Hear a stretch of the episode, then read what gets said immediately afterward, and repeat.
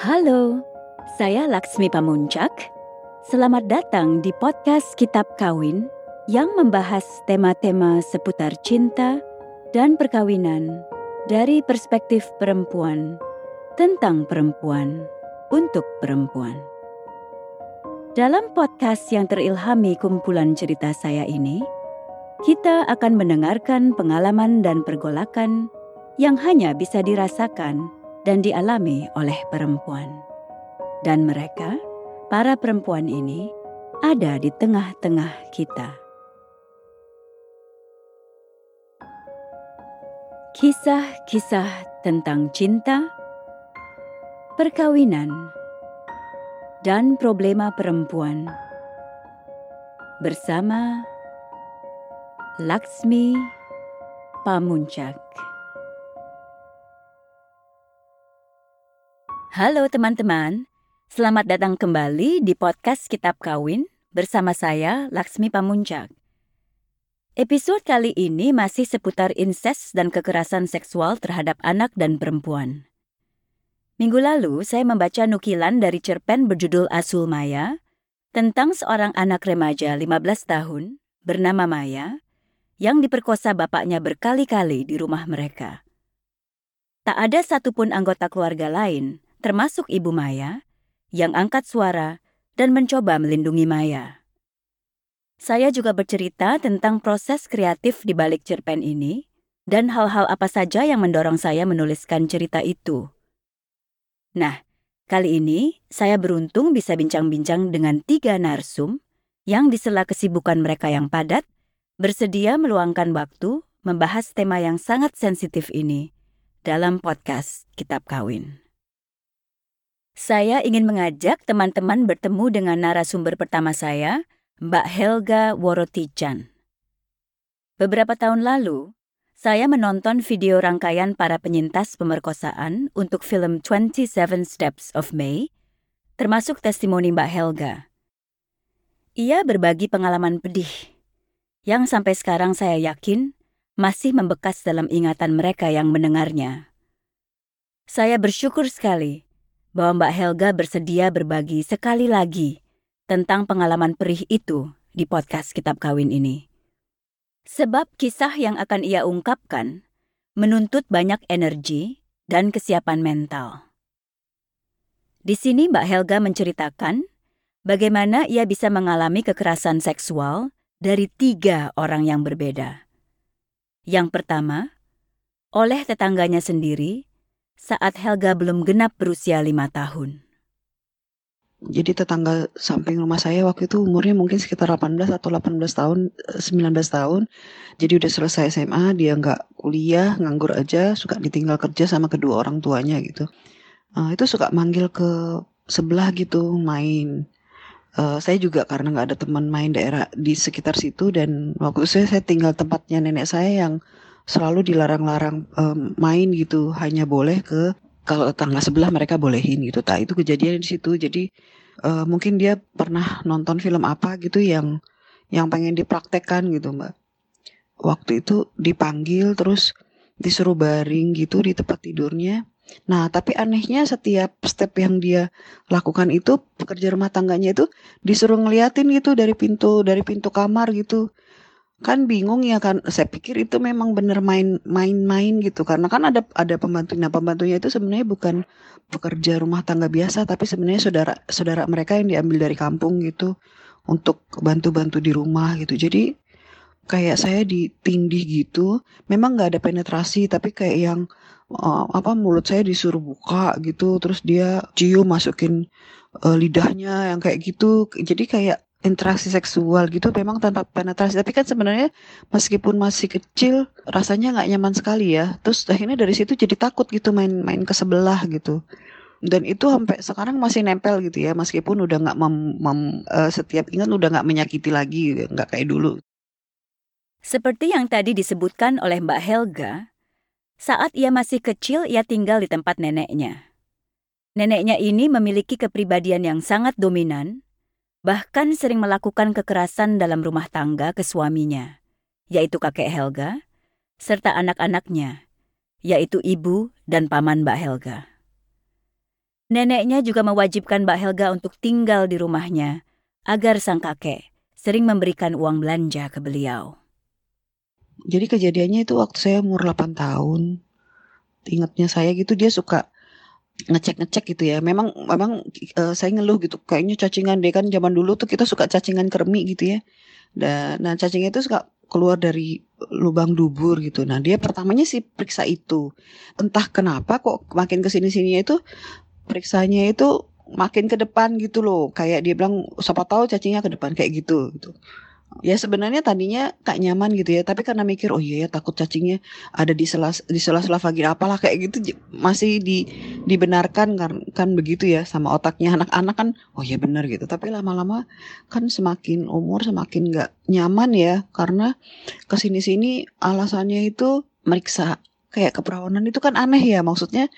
Nah masalahnya kan dia jarinya ke mana-mana gitu. Jadi aku kan bener-bener yang aduh ini sebenarnya udah nggak ini udah lama-lama udah nggak mau gitu mbak.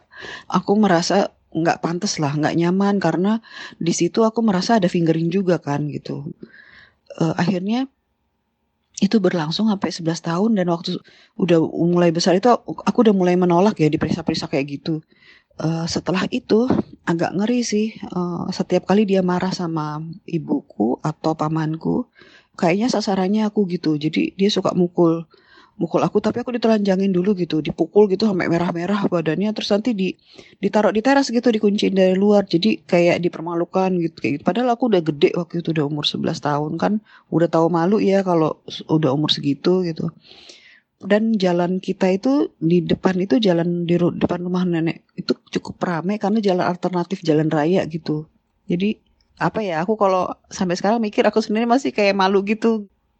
Memasuki usia remaja dewasa, Mbak Helga kembali mengalami satu pelecehan seksual. Kali ini oleh salah satu penyanyi senior yang popularitasnya cukup besar. Saat itu, Mbak Helga yang bergabung di Biro Kepemudaan di gerejanya sedang mencari dana untuk penanggulangan HIV/AIDS. Seorang pendeta di lembaga tersebut mengusulkan si penyanyi senior ini untuk turut membantu penggalangan dana, dan usul itu diterima. Segalanya tampaknya baik-baik saja, hingga suatu saat si penyanyi senior ingin bertemu dengan Mbak Helga. Berdua saja. Dan suatu saat dia tuh pengen ketemu berdua aja gitu. Sebenarnya agak deg-degan sih. Jadi aku sempat ngomong sama pendeta yang sama-sama panitia ini e, bung ini mau ketemu nggak apa-apa ya gitu gitu. Oh ya nggak apa-apa. Yang penting kabar-kabarin kami aja kalau ada apa-apa kayak gitu ya. Tapi kan waktu itu belum ada alat komunikasi yang ini ya. Terus pergi bareng-bareng. Alasannya urusan itu urusan kepanitiaan. Karena waktu itu aku di funding gitu yang uh, bagian pencarian dananya memang. Tapi ya gitu terus kebayang gak sih masih muda banget? Jalan sama orang yang super super banget terkenal terus dia belokin gitu ke satu tempat yang kayak hotel yang rumah-rumah gitu gitu. Aku sudah gak enak hati sih, sudah sangat takut gitu. Tapi mau teriak pikir ini orang terkenal banget kalau ada apa-apa. Jadi di kepala itu kayak terbelah dua gitu ya. Terus inget sempet masuk terus di kamar mandi lama banget nggak berani keluar keluar karena kayak merasa ini uh, sesuatu akan terjadi. Tapi kalau ditolak gimana? Tapi kalau kejadian juga geli gitu. Jadi udah makanya di kamar mandi itu lama karena jijik gitu.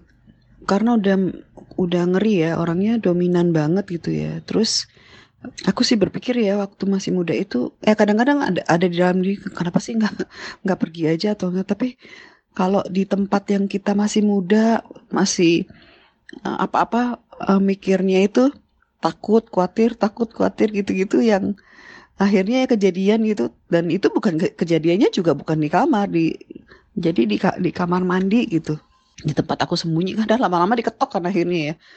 Sampai akhirnya terjadi gitu. Dan ada satu satu hal yang dia lakukan. Yang sampai detik ini aku nggak bisa melakukan dengan siapa pun gitu. Jadi waktu itu dia paksa mengoral gitu.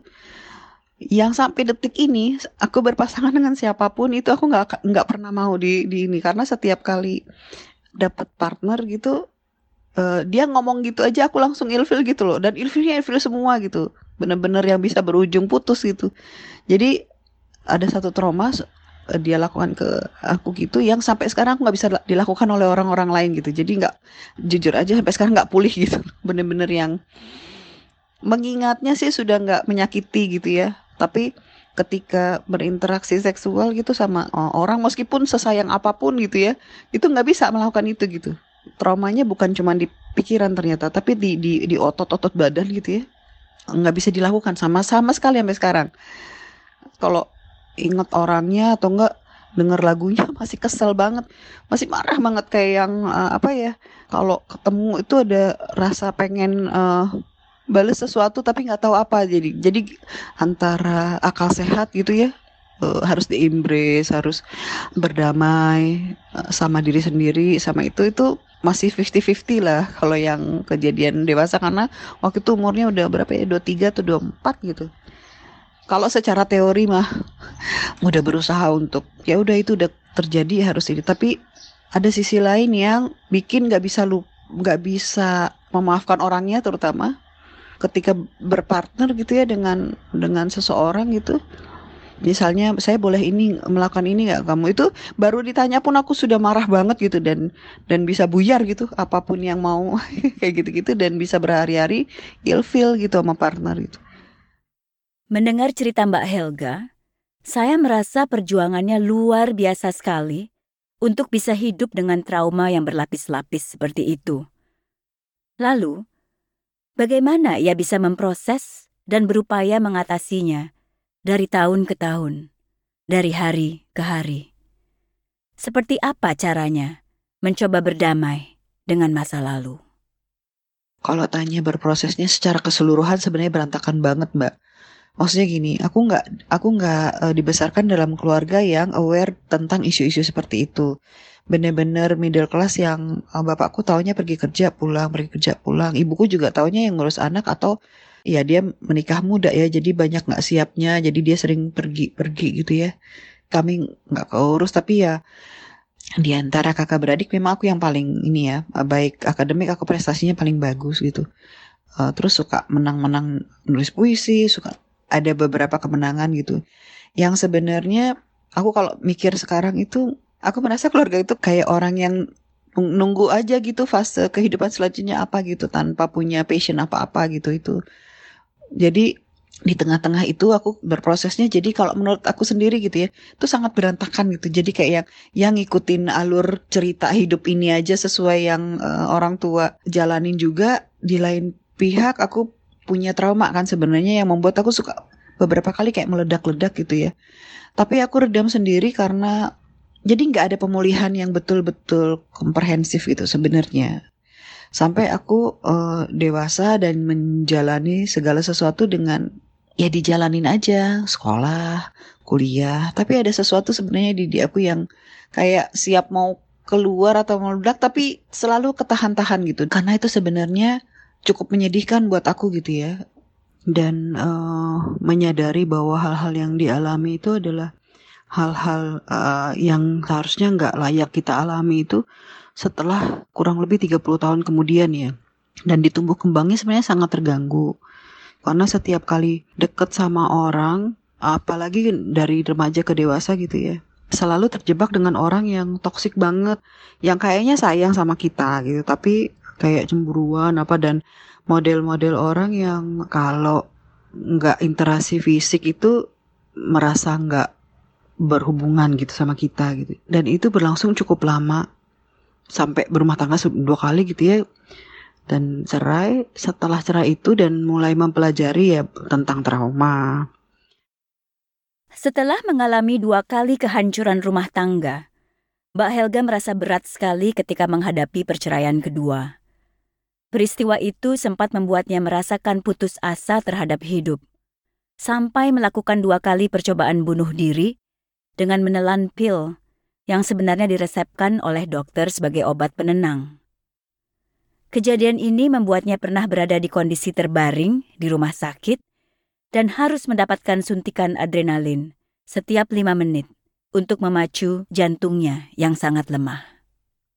Terus aku mencobain bicara sama diriku sendiri, apa yang harus dibenahin sebenarnya. Baru mulai merasa bahwa ini banyak banyak sekali trauma yang harus diselesaikan sebelum benar-benar melangkah. Tapi kan masalahnya waktu itu menyadarinya sudah sudah di atas umur 35 tahun ya, menjelang 40 gitu. Jadi rasanya kayak berantakan banget. Kita tahu tentang isu hak perempuan gitu ya.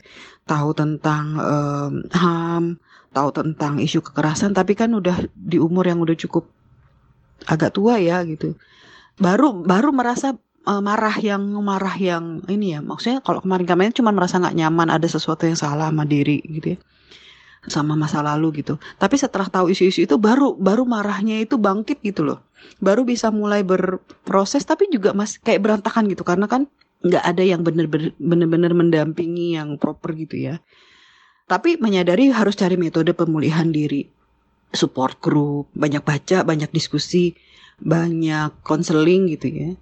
Dan itu berlangsung sangat lama sampai sekitar 10 tahunan sampai sekarang gitu baru mulai bisa menata gitu ya. Tapi kan sudah terlambat sekali, bukan sudah terlambat maksudnya.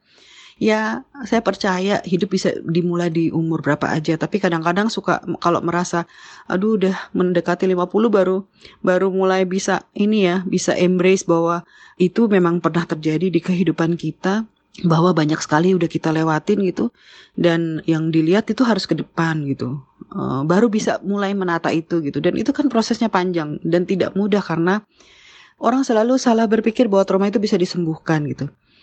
Saya itu selalu menganalogikan trauma kayak kalau kita mengalami sesuatu itu kayak nancepin paku ke dalam kayu. Ketika kita melakukan proses pemulihan gitu ya, kita uh, recognize gitu bahwa apa yang terjadi sama kita dan mulai menangani gejala trauma kita, itu kan kayak pakunya ditarik. Tapi masalahnya yang kita lupa bahwa lubang bekas pakunya kan ada di situ gitu.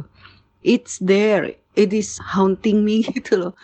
Harus melakukan sesuatu gitu untuk mengisi lubang itu supaya lubang itu nggak isinya bitterness gitu ya, kemarahan, kesedihan, kekecewaan. Itu yang terus berproses hingga hingga sekarang gitu kalau udah mau menjelang setengah abad itu kan kadang-kadang kita ada lagi self pity gitu ya. Jadi dalam proses itu ada ups and downs-nya gitu ya. Terutama ketika menyadari bahwa aduh udah mau setengah abad hidup gue kok gini-gini ya, gini banget. Tapi kan kita nggak bisa menyalahkan ya apa yang terjadi di di diri kita masa lalu. Mau nggak mau kita harus memaksa diri kita menyeret kalau istilah itu harus menyeret diri kita untuk maju. Nggak bisa tinggal di, dal di di dalam situ gitu. Dan memang salah satu uh, faktor adalah ngelihat gitu ya ada anak-anak yang harus kita asuh, kita share gitu. Apa yang terjadi itu jangan membuat kita pahit, tapi membuat kita maju. Proses itu kan kalau kita hidup yang normal tuh sebenarnya di, di umur 20-an tahun gitu ya. Tapi kan ini uh, pemulihan trauma itu sendiri baru terjadi sekitar 10 tahun belakangan. Jadi uh, jadi kayak memulai hidup baru lagi sebenarnya gitu. Sambil sambil menerima kenyataan bahwa ya udah umur segini tanggung jawab semakin besar.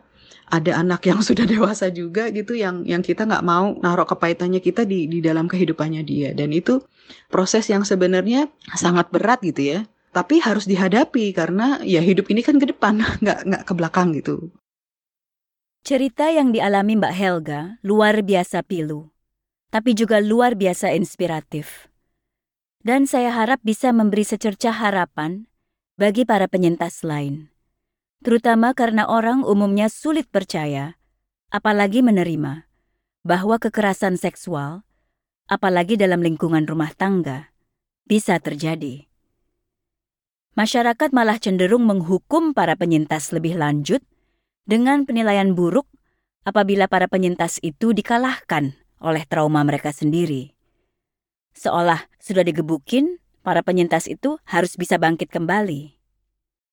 Belum lagi kondisi keluarga penyintas yang belum tentu ideal.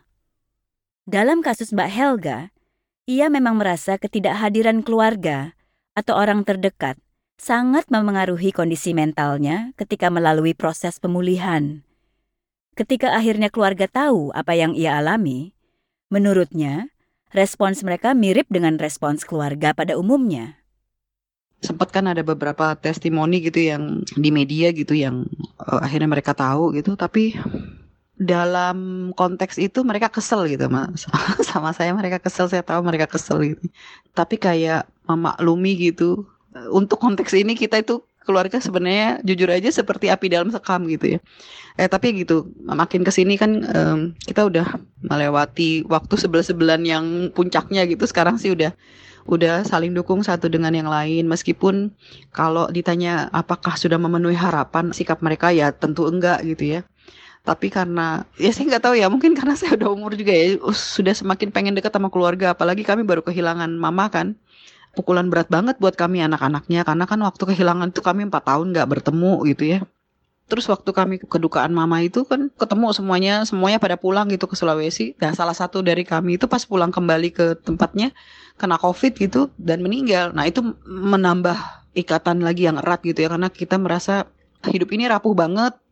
Setiap orang bisa pergi kapan aja dan itu bisa siapa aja. Jadi kita memang terikat dengan cara uh, harus ngalamin sesuatu yang sangat berat dulu gitu tapi ya kalau konteksnya soal saya pernah mengalami kekerasan seksual oleh keluarga sendiri ya masih ini ya masih kayak yang nggak usah dibicarain lah kayak masih kayak gitu sih mbak itu sedikit mengecewakan tapi ya kembali lagi mengingat hidup ini masih sangat rapuh banget kami bisa kehilangan satu dengan yang lain kapan aja jadi ikatan dengan keluarga uh, baik sekali ya apa dekat gitu.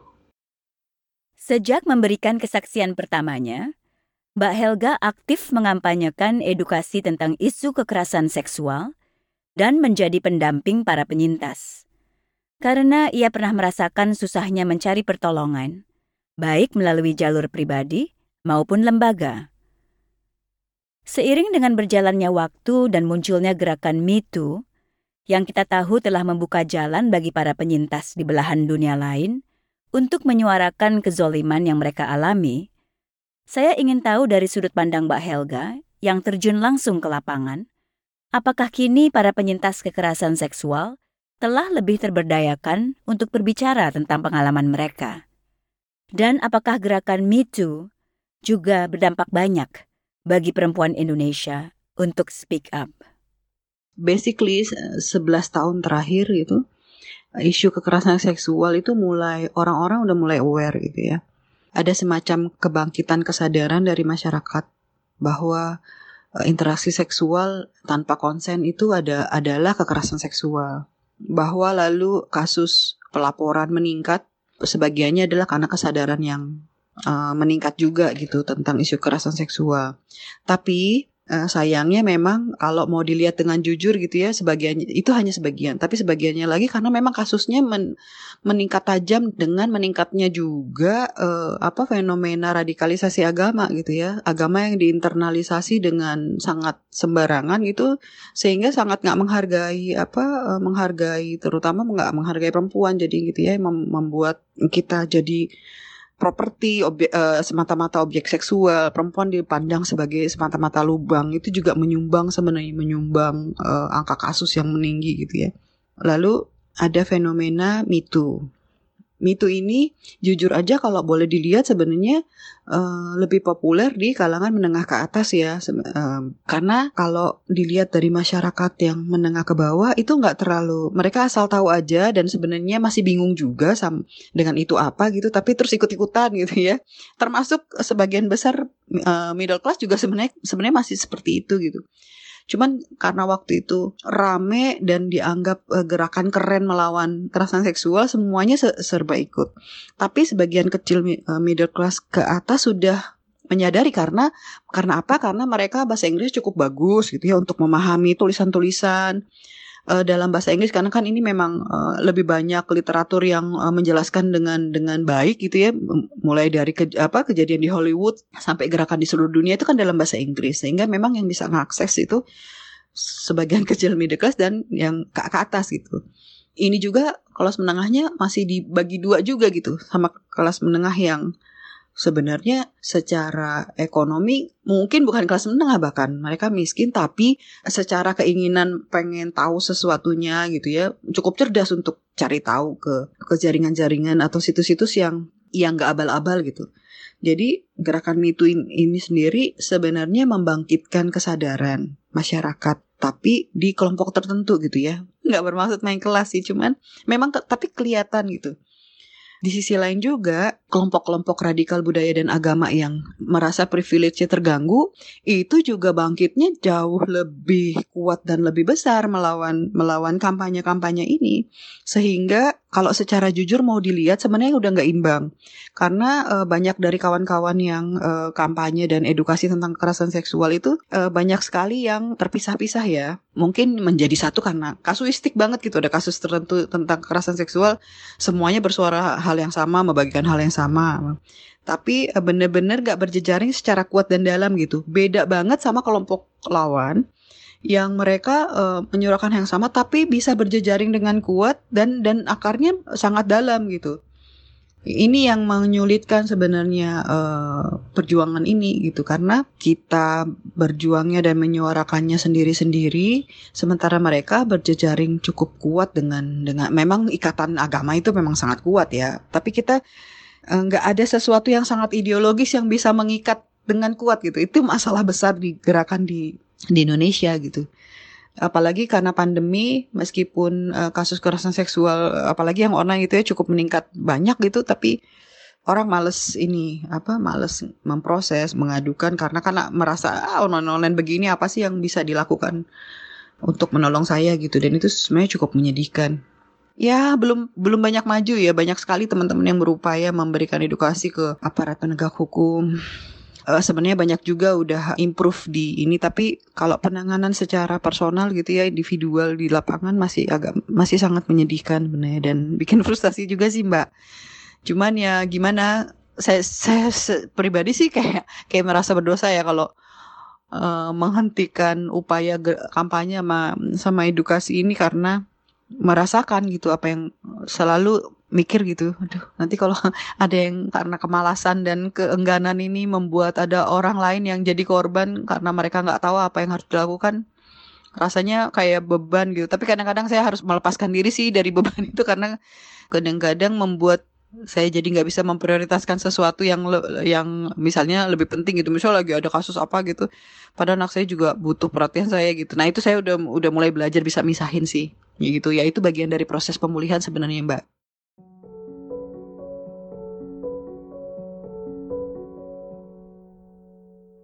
Setelah ini, saya ingin mengajak teman-teman untuk berkenalan dengan Mbak Sri Wiyanti Ediono, akrab dipanggil Mbak Yi. Nah, Mbak Yi ini adalah seorang ahli hukum, akademikus, dan penulis yang giat memperjuangkan kesetaraan dan keadilan perempuan.